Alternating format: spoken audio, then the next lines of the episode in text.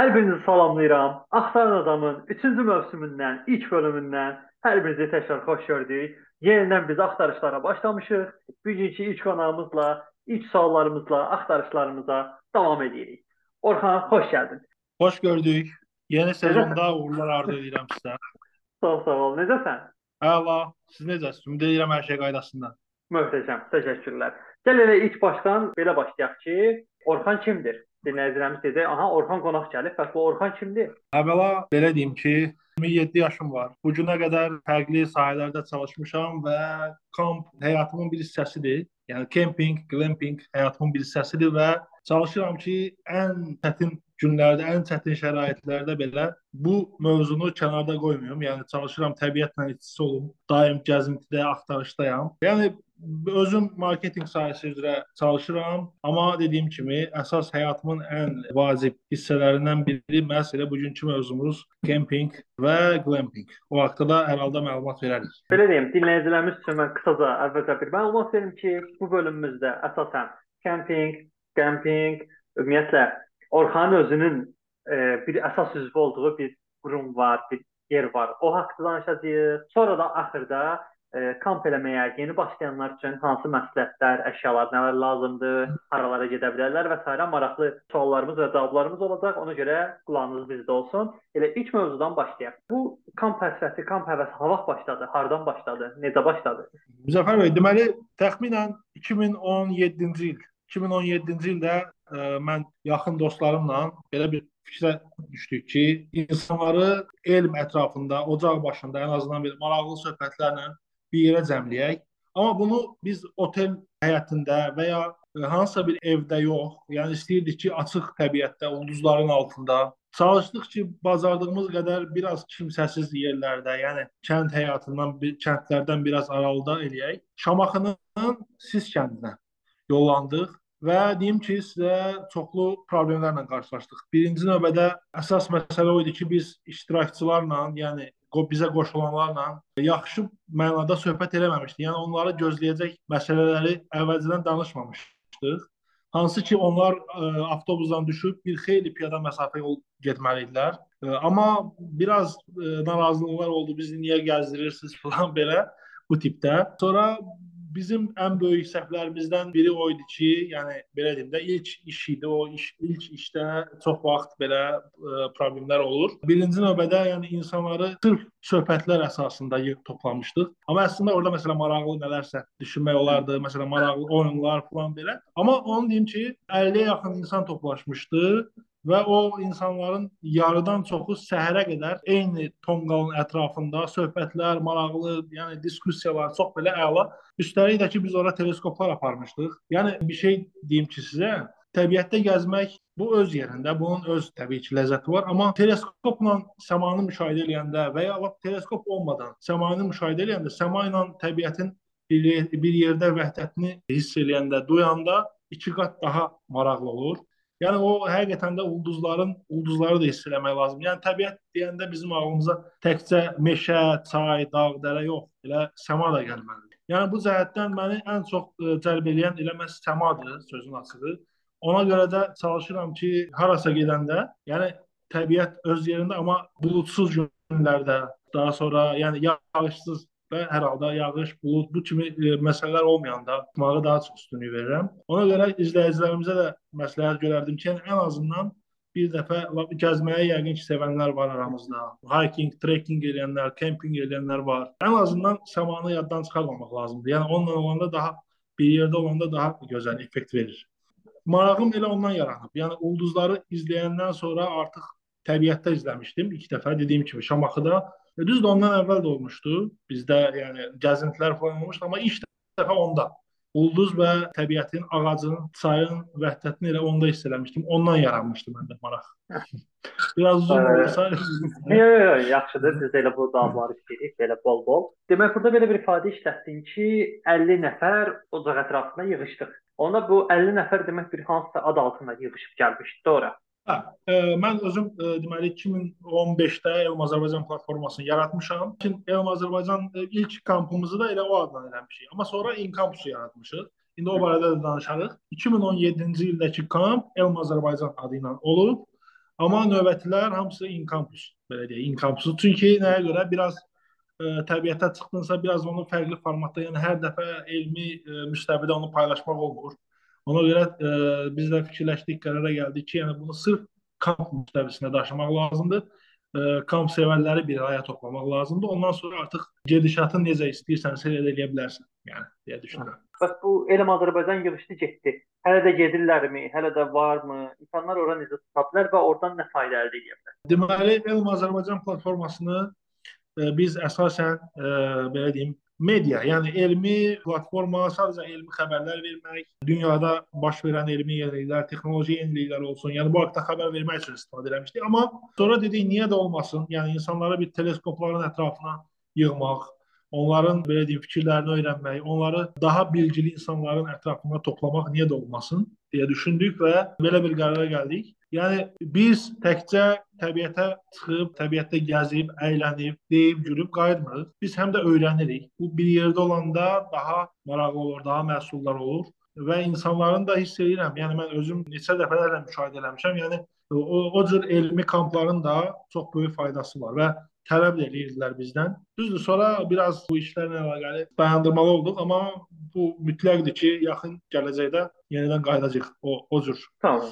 Belə e, onda müstəqil. belə deyim. Elm Azərbaycan yenidən kamp eləsələr, hara girib baxaq, hardan izləyək ki, xəbərdar olaq, biz də kampa qoşula bilək gələcək kamplarda. Aha. Bizim sosial şəbəkələrdə Facebookda 30 minə yaxın, Instagramda 15 mindən artıq izləyicimiz var. Deməli, Telegram kanalıdır, YouTube kanalıdır, bunlar hamısı var. Yəni orada biz elan paylaşanda təbii ki, bu 4 platformanın hər birində paylaşırıq. Yəni rahatlıqla oradan izləyə bilərlər və orada bütün detallar, bütün e, hər bir detal, yəni məlumat verilir. Ümumiyyətlə gedişat barədə, hara gediləcək, proqram necə olacaq, yəni bu barədə. Və üstəlik də ki, e, izləyicilərimiz əmin olsunlar ki, onların qoşulduğu kamplarda, yəni e, iştirakçılar da çox böyük diqqətlə filtr olunur. Yəni bu bunu qeyd etmək bu qeyd etmək istədiyim ən böyük məlumatdır. Çünki nəyə görə çox vaxt problemlərlə qarşılaşmışdıq. Biz özümüz də qarşılaşmışıq. Ona görə bunu mən vurğulayıram ki, yəni bu vacib məsələlərdən biridir. İnsanın özü kimi, öz ətrafı kimi, öz düşüncələrinə demirəm eynisi, amma yaxın olan insanlarla yola çıxmağı daha çox müsbət haldır. Yəni. Əla. Demək podkastımızı hansı platformadan dinləməyinizdən asılı olmayaraq hər birində aşağıda description, yəni e, məlumat bölməsi var. Burada Elm Azərbaycanın o 4 linkini yerləşdirmiş olacağıq. Oradan da linklərə klikləyərək keçid edə bilər. Elm Azərbaycandan keçdik. Sonra Incampus yarandı. İnkampus nə zaman yarandı və niyə İnkampus yarandı? İnkampus bayaqlar qeyd etdiyim kimi, yəni e, bilirsiniz, Elm Azərbaycan platformasını biz e, daha çox media yönümlü eləmək istəyirdik deyə bu kamp məsələsini çalışdıq ki, düşündük, qərara gəldik, oturduq, qərara gəldik ki, ayrı bir müstəviyə daşıyaq. Bunun səbəbi o idi ki, çünki biz orada məsələn kempinq eləyirik, tutaq ki, yemək paylaşırıq. Məsələn, e, harasa gedirik və ya oyunlar oynayırıq, məsələn maraqlı, məsələn və ya musiqi dinləyirik. Yəni bunu elm platformasında paylaşmaq biraz daha necə deyim, insanlar izləyici kütləsinə maraqlı gəlməyə bilər. Amma sırf kamp ə, e, səhifəsində, kamp kanalında bunu eləməyi paylaşmaq daha çox marağa səbəb ola bilərdi. Həm də alqoritm deyilən bir şey var. E, alqoritmləri də yəni, nəzərə almışdıq. Üstəlik bunu mən Enkampusu bir yaxın bir dostum var, hansı ki onunla kamp mühitində tanış olmuşuq. Onunla bir yerdə yaratmışıq, qurmuşuq və deyim ki, ilk başda çox böyük diqqət var idi. Yəni indi də diqqət var. Sözsüz ki, yəni bizə dəfələrlə yazanlar olur. Amma daha sonra biraz say artdı deyə, ə, e, yəni kamp səhifələrinin sayı artdı deyə biraz istər-istəməz e, rəqabət yarandı. Incampus dediyim kimi sırf ayrıca bir qol yaratmağımız üçün biz bunu elədik. Üstəlik də ki, orada belə deyim, fərqli, daha fərqli, yəni elmdən daha fərqli bir müstəviyə daşıdıq bunu. Məsələn, bizdə musiqidir, sonra yeməklər bişir, məsələn, onları paylaşırıq və ya bu içkilərdir. Daha sonra çətin yürüşlərdir. Bunlar hamısı detallı şəkildə paylaşılır. Ona görə, yəni Inkampusun yaranma səbəbi əslində budur. Və həm də özümüzü bizi qoparmadı yəni təbiətdən. Biz hər dəfə o səhifəyə baxanda təbiətə, təbiətə daha çox çıxmaq eşqinə düşdük. Nəinki Elm Azərbaycana baxıb orada Elon Musk'ın bir kəşfinə baxanda və ya qalaktikanın quruluşuna baxanda. Buna fərq sadəcə bundan ibarət. Orada doğru vurğuladınız. Çünki belə bir şey var ki, Elm Azərbaycan əgər bir kamp edirsə, bu elmi kampdırsa, burada danışan olmalıdır, elmi məlumat verən olmalıdır, amma Bəli. kampusun belə bir məcburiyyəti yoxdur və siz artıq kampusu daha tez-tez keçirə bilirsiniz. Çünki elmi kampusda gərək danışan axtarasınız və ona maraq çevrəsi olan adam sayı tapasınız. Bəli, bəli, bəli. Doğrudur.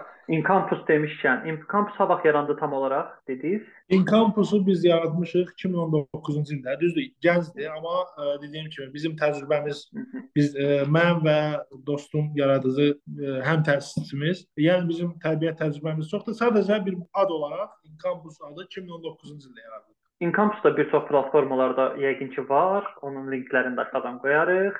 Incampusa da əl çatar. Belə deyim, Incampus yarandı. Incampus bu 2023-cü ilə qədər, yəni bu 4 ildə nələr bacardı, nələr edə bildi? Deməli, xüsusilə vurğulamaq istəyirəm ki, bizim məqsədimiz, belə deyim, dəstə düzdür, başqa tur platformaları ilə heç bir işimiz, qəsd-gərəzimiz yoxdur.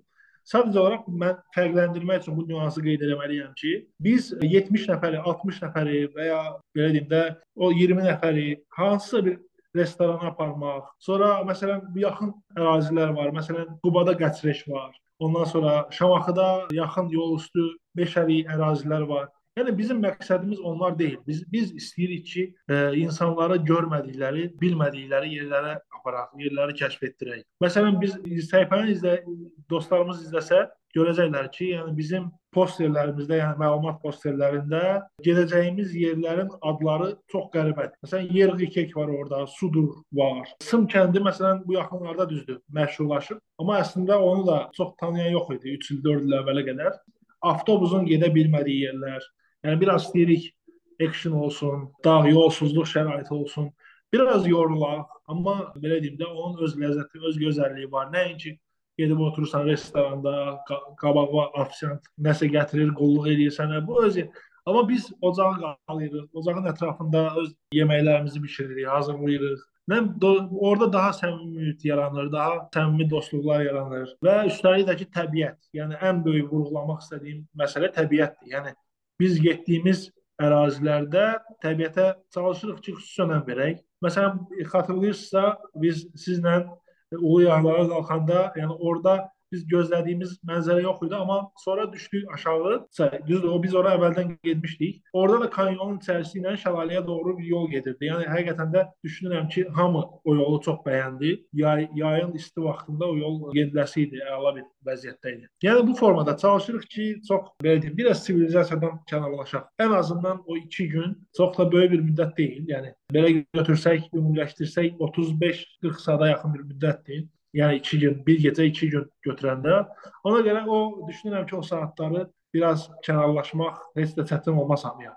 Və biz bir nüansı da xatırladım. Daha doğrusu qeyd edeyim dostlarımıza. Biz Incampusu yaradandan sonra başladıq bu filtr məsələsinin üzərinə düşməyə. Nəyə görə? Filtr də dediyim əslində nə, nədən ibarətdir? Yəni biz bizə yazan izləyicilərə, tutaq ki, reklam olunur, reklamdan gələn izləyicilərə biz mütləq şəkildə bildiririk ki, yəni bax sizi belə bir ərazi gözləyir.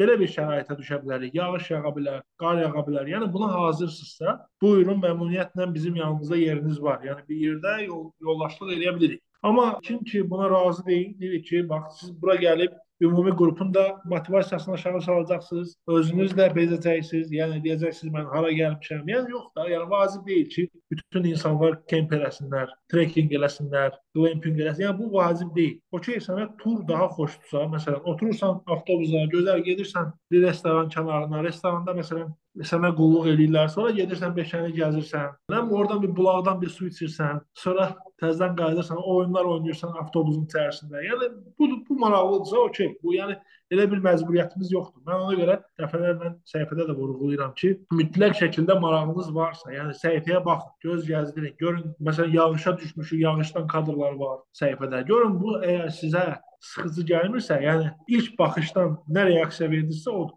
Yəni belə. Əgər bu sizə hə, demirəm belə yağış yağışın altında işləmək çox da belə wow effekti yaradacaq bir şey deyil. Amma ən azından onu belə biraz daha maraqla qarşılayırsa, okey, yəni bizim yanımızda deməli yeriniz. Belə bu formada. Çünki mən özüm də turlarda çox olmuşam. Çox dediyim, yəni bir 3-4 dəfə olmuşam.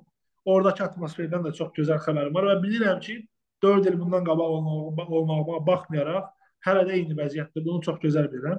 Yəni oranın tamam kontingenti tamam ayrıdır. Orada tamam ayrı söhbətlər gedir. Yəni belə deyim də, oranın rahatlığı da tamam ayrıdır bu formada. Yəni hər bir kampın, hər bir şirkətin ya qurumun, təşkilatının özünün formatı fərqlidir, getdiyi yer fərqlidir və komandası fərqlidir. Yəni hər birinin öz marağı var. Hər kəs öz marağına uyğun olanı tapıb ona getməlidir. E, Incampus'un sonuncu sualım Incampus haqqında gələcək planımız nədir?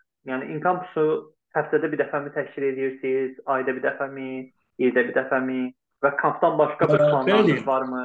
Bizim ümumiyyətlə həm təsisçi dostumla bir yerdə gələcək planlarımız həddən artıq çoxdur. Yəni sadəcə onların hamısını icra etməyə və keyfiyyətli icra etməyə bir qədər vaxt lazımdır. Çünki artıq biz o yaşdayıq ki, yəni bir şey eləmək xatirinə yox, daha keyfiyyətli, daha məhsuldar, yəni insanların belə deyim, diqqətini çəkəcək formada eləməyimiz daha yaxşı olardı deyə fikirləşdik və planlarımızdan biri odur ki, biz ümumiyyətlə e, bu şəbəkəni, yəni Incampus ailəsini daha da böyütmək e, istəyirik. E, yəni belə deyim, bir istəyəndə məsələn heç bir reklam postuna ehtiyac olmadan bir belə deyim, postla və ya bir story ilə insanları yığaq ətrafımıza, onlarla harasa çıxaq. Yəni vacib deyil də burada nəsə maddi maraqlar olsun. Yox. Sadəcə bir ailə kimi bunu formalaşdırmaq istəyirik. Yəni incampus deyiləndə, yəni bu kempinq ailəsi yada gəlsin, yada düşsün deyə çalışacağıq. Sonra daha sonra biz e, ümumiyyətlə 2 gün, 2 gecəlik, 3 gecəlik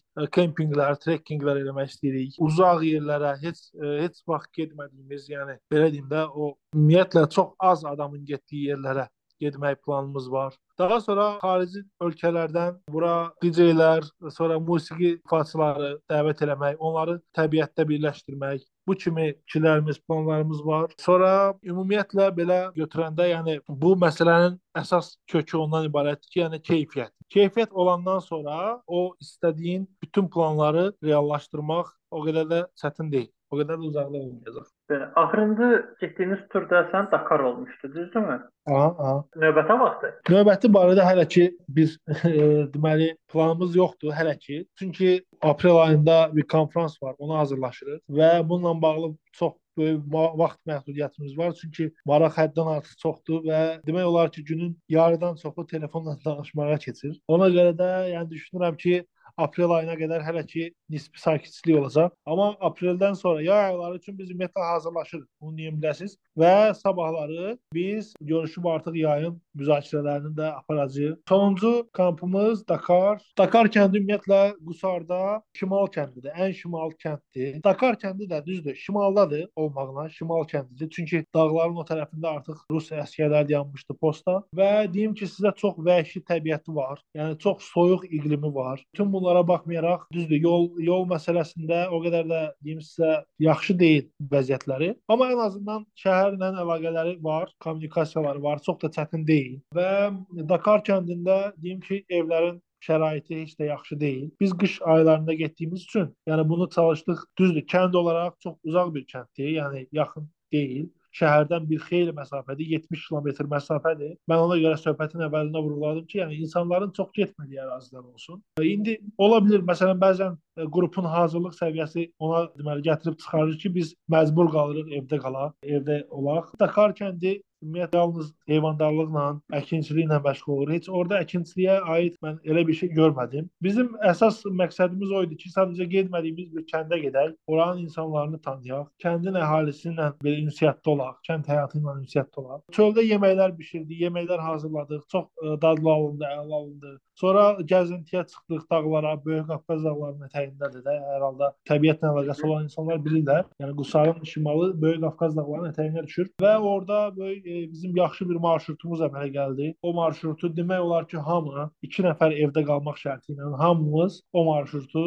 təxminən 6-7 saat ərzində tamamladıq və çox gözəl xatirələr qaldı. Belə, yəni bu bu ə, dəfə deməli sırf kənd həyatını, kənd həyatına yaxın olmaq üçün o atmosferi hiss, hiss etmək üçün getmişdik və düşünürəm ki, yəni vacib deyil çox da meşə olsun, göl olsun, çay olsun. Bunun özü də bir təbiətdir. Dağlara baxıb həqiqətən də insan bəzən uzaqlara dala bilir. Təşəkkür edirəm. Belə, bununla da biz inkampus hissəsini yekunlaşdırmış oluruq. İnkampus haqqında da, gələcək planları haqqında da kimə maraqlıdırsa, yenə rəy hissəsində olan məlumatlardan girib linklərə keçid eləyə bilər, baxa bilər, səhifəyə birbaşa yazıb soruşa bilər, izləyib xəbərdar ola bilər gələcək planlara.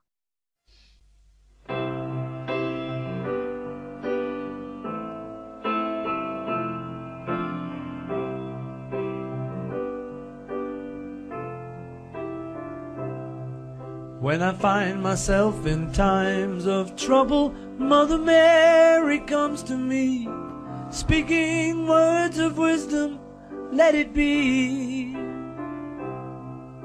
And in my hour of darkness, she is standing right in front of me, speaking words of wisdom, let it be.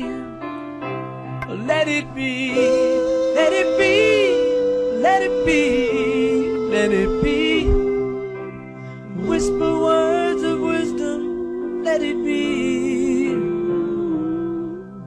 When all the broken hearted people living in the world agree, there will be an answer, let it be. For though they may be parted, there is still a chance that they will see. There will be an answer, let it be. Oh, let it be,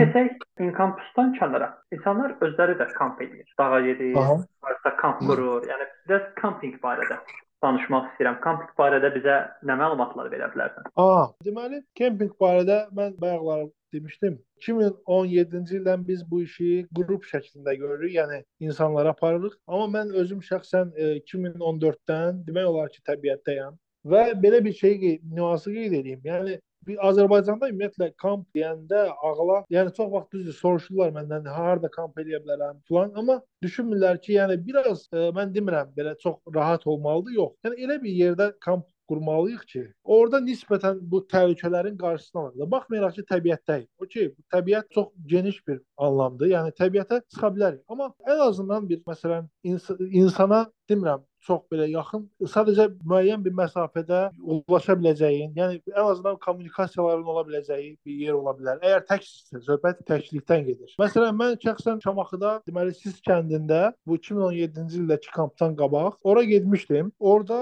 düzdür, bir ara elə oldu ki, dumana düşdüm, qatı dumana düşmüşdüm və onu qeyd edim ki, 2 nəfər idik. Qatı dumana düşəndən sonra ümumiyyətlə yağış da başladı. Yağışlı, dumanlı havada. Yəni təsəvvür edin ki, orada məsələn bir heyvan hücumuna, bir canlı hücumuna məruz qalsaydıq, yəni bizim harayımıza çatan olmayacaq. Yəni bu məsələ nədən ibarət? Yəni məsələn sizinlə Zaqatalada Honzogorda biz olmuşuq. Yəqin ki, xatırlayırsınız. Aha. bu yaxınlarda bir Hindistanlı turistdir. Yəni bax o formada olmaz. Yəni ən azından uzağa da çıxanda bir bələdçi, yəni hətta bu xüsusilə də bu əgər başqa bir ölkəyə gedirsinizsə, mütləq şəkildə bələdçi lazımdır. Yəni bu o demək deyil ki, siz nədənsə qorxursunuz, çəkinirsiniz. Yox. Sadəcə insan həyatı bir çox şeydən vacibdir də. Yəni elə bir vəziyyət gələ bilər ki, yəni sən elə bir vəziyyətə düşə bilərsən ki, ümumiyyətlə təbiətə nifrət edərsən. Yəni belə bir məsələ var. Yəni deyərsən ki, yox, elə mənim şəhər həyatı, şəhər atmosferi ancaq e, işdən evə, evdən işə, dostlarımla gedib otururam. Yəni bu forma insan gərək bir şey sevsin də, ümumiyyətlə çalışsın ki, o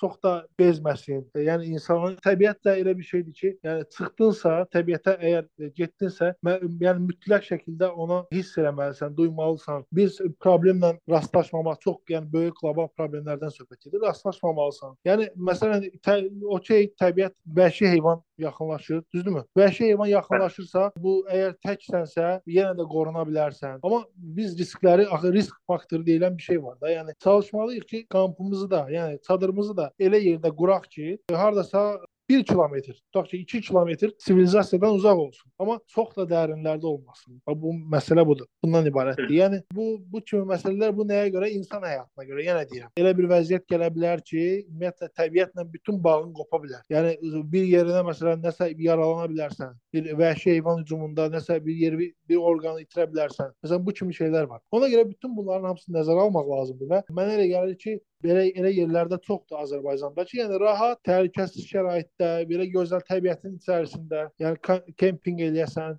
öz ocağın e, ocağı ocaq üçün ümumiyyətlə meşəli ərazilər bizdə çoxdur, sırf kamp ərazilərindən söhbət gedir. Yəni orada rahat ocaqda qalamaq olar, e, diqqət eləmək şərti ilə.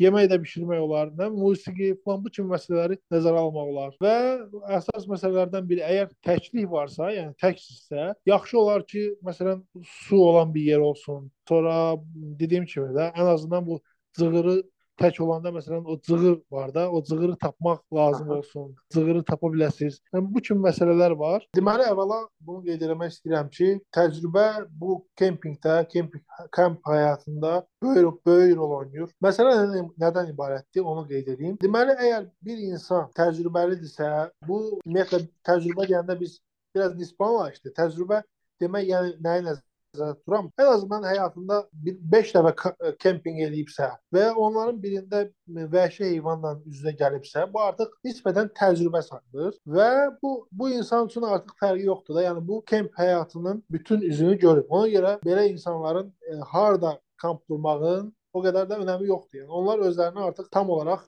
arxayındılar. Amma təcrübəsiz insanlar, yəni kamp həyatını sevən, amma müəyyən bir təcrübəyə sahib olmayan insanlar, artıq onlar üçün belə deyim, məhdudiyyətlər var. Bu məhdudiyyətlər də ondan ibarətdir ki, onlar çox da mənə mənəm deyib özlərini belə deyim, sivilizasiyadan çox belə uzaqlara getməməlidirlər. Bunun bir neçə səbəbi var. Yolu azmaq ehtimalı var. Vəhşi heyvan təhlükəsi var. Hansı ki, qarşı-qarşıya gələndə biraz çətindir onların məsələn yerində qərar qəbul etməkləri. Onlar ən azından bir qrup şəklində kamplara qoşulmalıdırlar. Bu kimi məsələlərdə yəni vacibdir. Təcrübə çox böyük rol oynayır və mən belə məsləhət görərdim ki, ən azından qrup kamplarını yoxlamaqdan, yoxlayandan sonra artıq tək şəkildə, fərdi şəkildə və ya 2 nəfər, 3 nəfər yaxın dost, tanış belə sırf e, biraz daha uzaqlara kamp qurmaq olar. Yəni düşərgə salmaq olar və üstəlik də ki, burada güc məsələsi var. Çünki əgər biz şəhərdən uzaqlaşırıqsa, lap kənddən belə uzaqlaşırıqsa və getdiyimiz günlərin məsələ e, fərqi var burada. Məsələn, 2 gecəlik gediriksə, bizim müəyyən bir çantamızda yük olacaq. Yəni bu yükü daşımaq üçün fiziki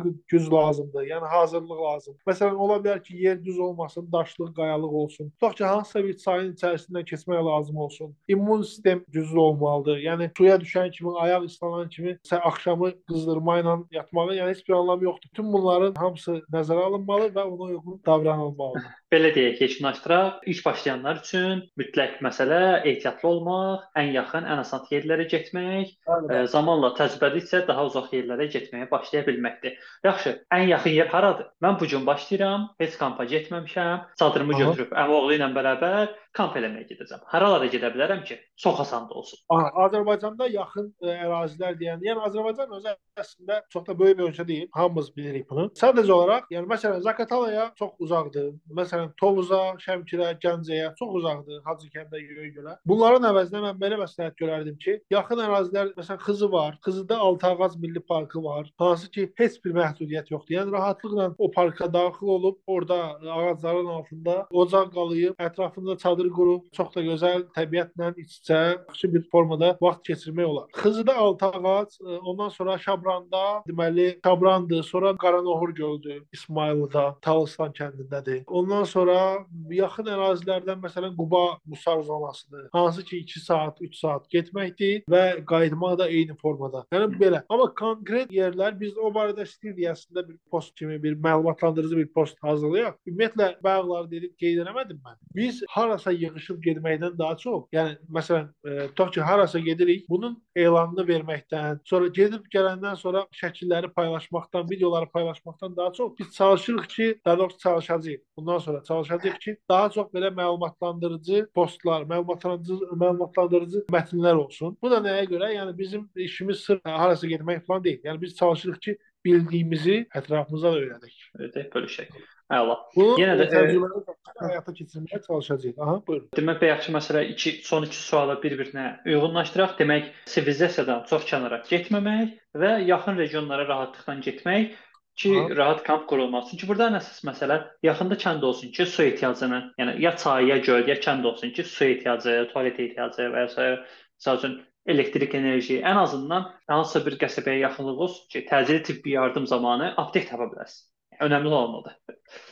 Onu qorumaq Bəli, şərti ilə Yəni yəni çö- əgər təcrübə yoxdursa mütləqdir ki, bunlar nisbətən əlçatan olsun. Yəni ən azından şəbəkə tutsun, bir köməyə kimisə çağıra bilərsiniz. Məsələ budur. Amma burada təcrübə qazanandan sonra artıq o təbiətin hər üzünü, yağışını, qarını, boranını, tufanını görəndən sonra artıq bu kimi məsələlər çox da e, rol oynamır. Yəni okey də təbiətdir.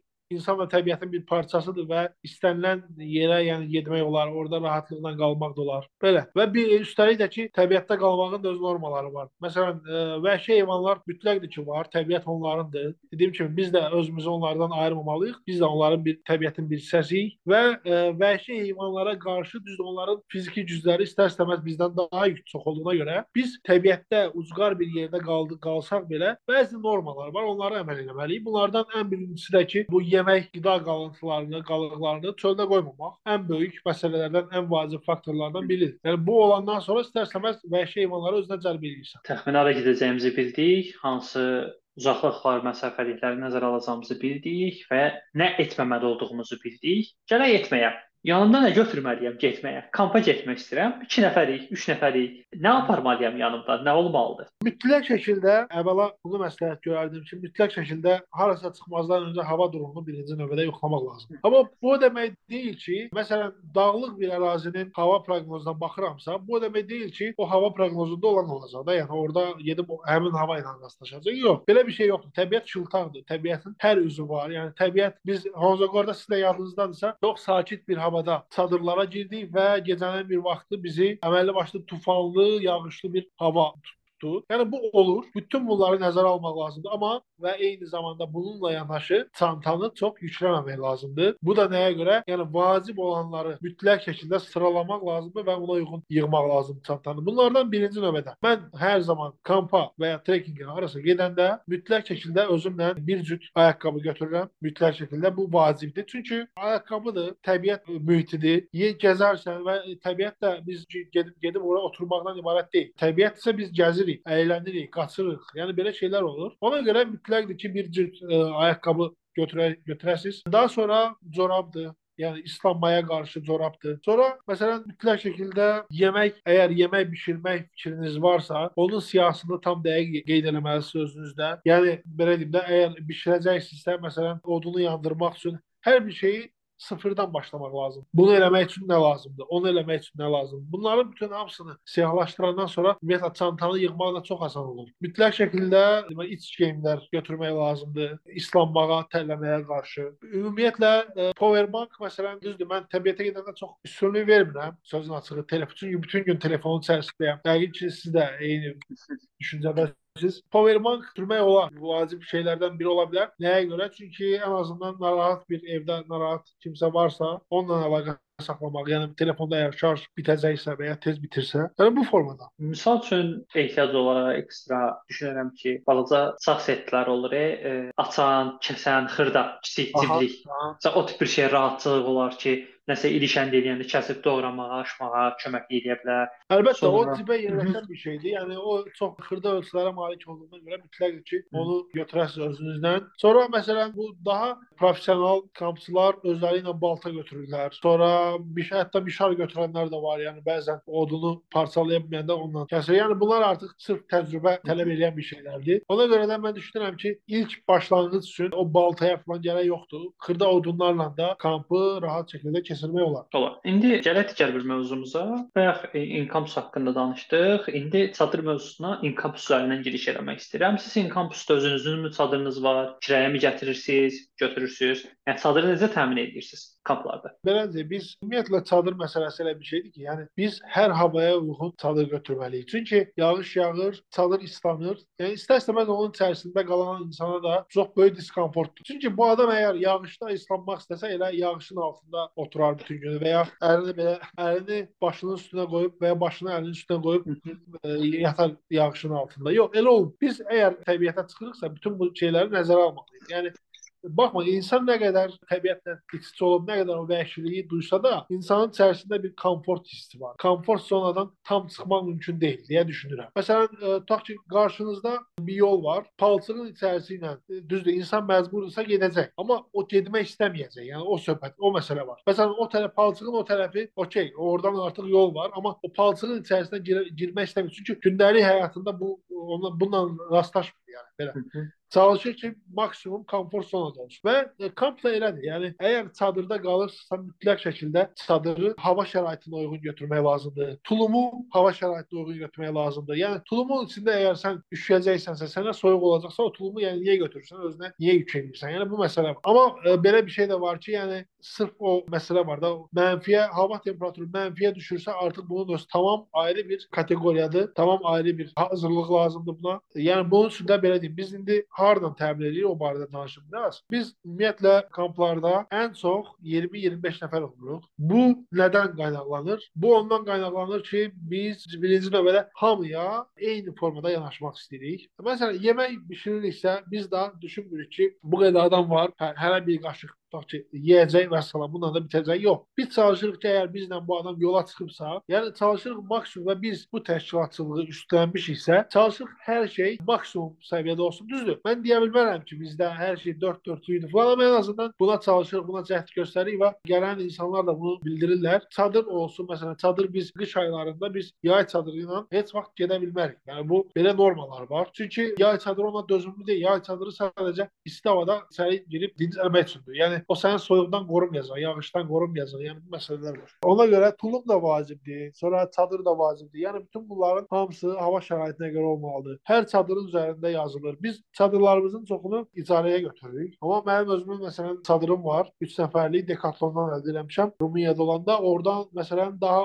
məsələn ucuz gəlir. Decathlon-da ümumiyyətlə kamp həyatı üçün bir çox vacib ləvazimatlar var. Yəni bu mağaza düzdür, Bakıda yoxdur. Amma İstanbuldan və ya yaxın ətraf ölkələrdən əldə etmək gətirmək olar. Yəni bu belə də bu, bu məlumat da verib ki, yəni sırf çadır axtaranlar, nə ə, tulum axtaranlar başqa yerlərə baxmasınlar, çünki orada da baha olur. Çox vaxt yəni qiymət belə yüksək olur. Belə yəni Decathlon bir kampçının gedə biləcəyi və gedib uzun müddət gəzə biləcəyi bir yerdir. Çünki mən alış-veriş sevməyən insan, yəni o mağazaya girdim, yəni 3 saat, 4 saat oradaydım belə. Düzdür, elə bir mağazadır. Çadırlar haqqında danışmışkən, onda belə çıxır ki, biz çadırlar, mövsümlük çadırlar olur. Bir iki mövsüm, üç mövsüm, dörd mövsümünə görə çadırların mövsümləri dəyişir. Bu onun qalınlığı, onun küləyə, yağışa, qara, soyuğa dözümlülüyünə görə dəyişir. Tulumlar da eyni ilə hansı hava temperaturuna uyğun olaraq olur. Yəni girəcəyimiz hava temperaturundan biraz soyuğu ya da biraz daha istini nəzərə alaraq düşünüb işimizə ehtiyatlı görərək ona uyğun, mövsümə uyğun, havaya uyğun çadırlar və ya təmin edə bilərik. Demək, dinləyicilərimizdən maraqlı suallar var. Olur. Mən bilirəm ki, indi onlara da bir dənə sual maraqlıdır ki, Mən evin kampüsün kampına gəlsəm, amma çadırımı özüm gətirsəm, endirim olar mənə? Bəli, bəli, əlbəttə ki. Bizdə hətta çadır bir yana öz maşını ilə gələn gəlmək istəyən insanlar olur. Yəni onlara belə endirim tətbiq edirik. Çünki bir şey ki, çadır sənin üçün nəzərə alınmır. Yəni biz sənin üçün sənə e, səndən çadırın ödənişini niyə alaq? Yəni bu məntiqə heç bir məntiqə sırmır. Bu məsələdə biz çalışırıq maksimum dərəcədə iştirakçını düşünək. Önəmli dərəcədə endirim olunur. Hər kəs də yəni razıdır. Heç kim buna görə yəni, imtina eləməyib. Okey, hər şey qaydasındadır bu barədə. Bəli. Income-sun ən gözəl üstünlüklərindən biri də siz yenə də komfortunuzu saxlayıb öz ən qəşəng çadırınızı öz maşınınızla gedib yenə də orada kamp ətrafına qoşulub insanlarla bərabər yeyib, içib, söhbət edib, vaxt keçirə bilərsiniz. Demək, çadırımızı aldıq, əşyalarımızı aldıq, dağın başına çıxdıq, kampımızı elədik, qayıtdıq, gəldik, yenidən öz işlərimizin, güzlərimizin başına. Məncə belə. Məncə əslində bütün mövzuları əsas danışmalı olduğumuzu danışdıq, yekunlaşdırdıq. Yenə də kiminsə sualı varsa, e, aşağılarda Elm Azərbaycanda məlumatları var, Inkamsun da məlumatları var yaza bilərlər. Hətta ümumiyyətlə bizə, yəni axtaran adamın yazıb, soruşa bilərlər, biz sizə yönləndirəcəyik, cavab alıb geri göndərəcəyik. Siz də çox sağ olun, dəvət elədiniz minnətdaram. Uğurlu, xeyirli olsun, davamlı olsun əsas məsələ. Yəni ruhdan düşməmək lazımdır. Bunu davam etdirmək lazımdır. Çox xeyirli bir şeydir. Və mən də vaxt olduğumuzda sizin podkastlara qulaq asıram. Düzdür, podkast mövzusuna təzə qoşulmuşam, amma maksimum dərəcədə çalışıram ki, qulaq asam, faydalanım. Çox sağ olun, minnətdaram. Hər bir dinləyicimizə təşəkkür edirik. Qonağımıza da təşəkkür edirik. Növbəti bölümlərdə axtaran adamlı olmaq ümidi ilə görüşənədək.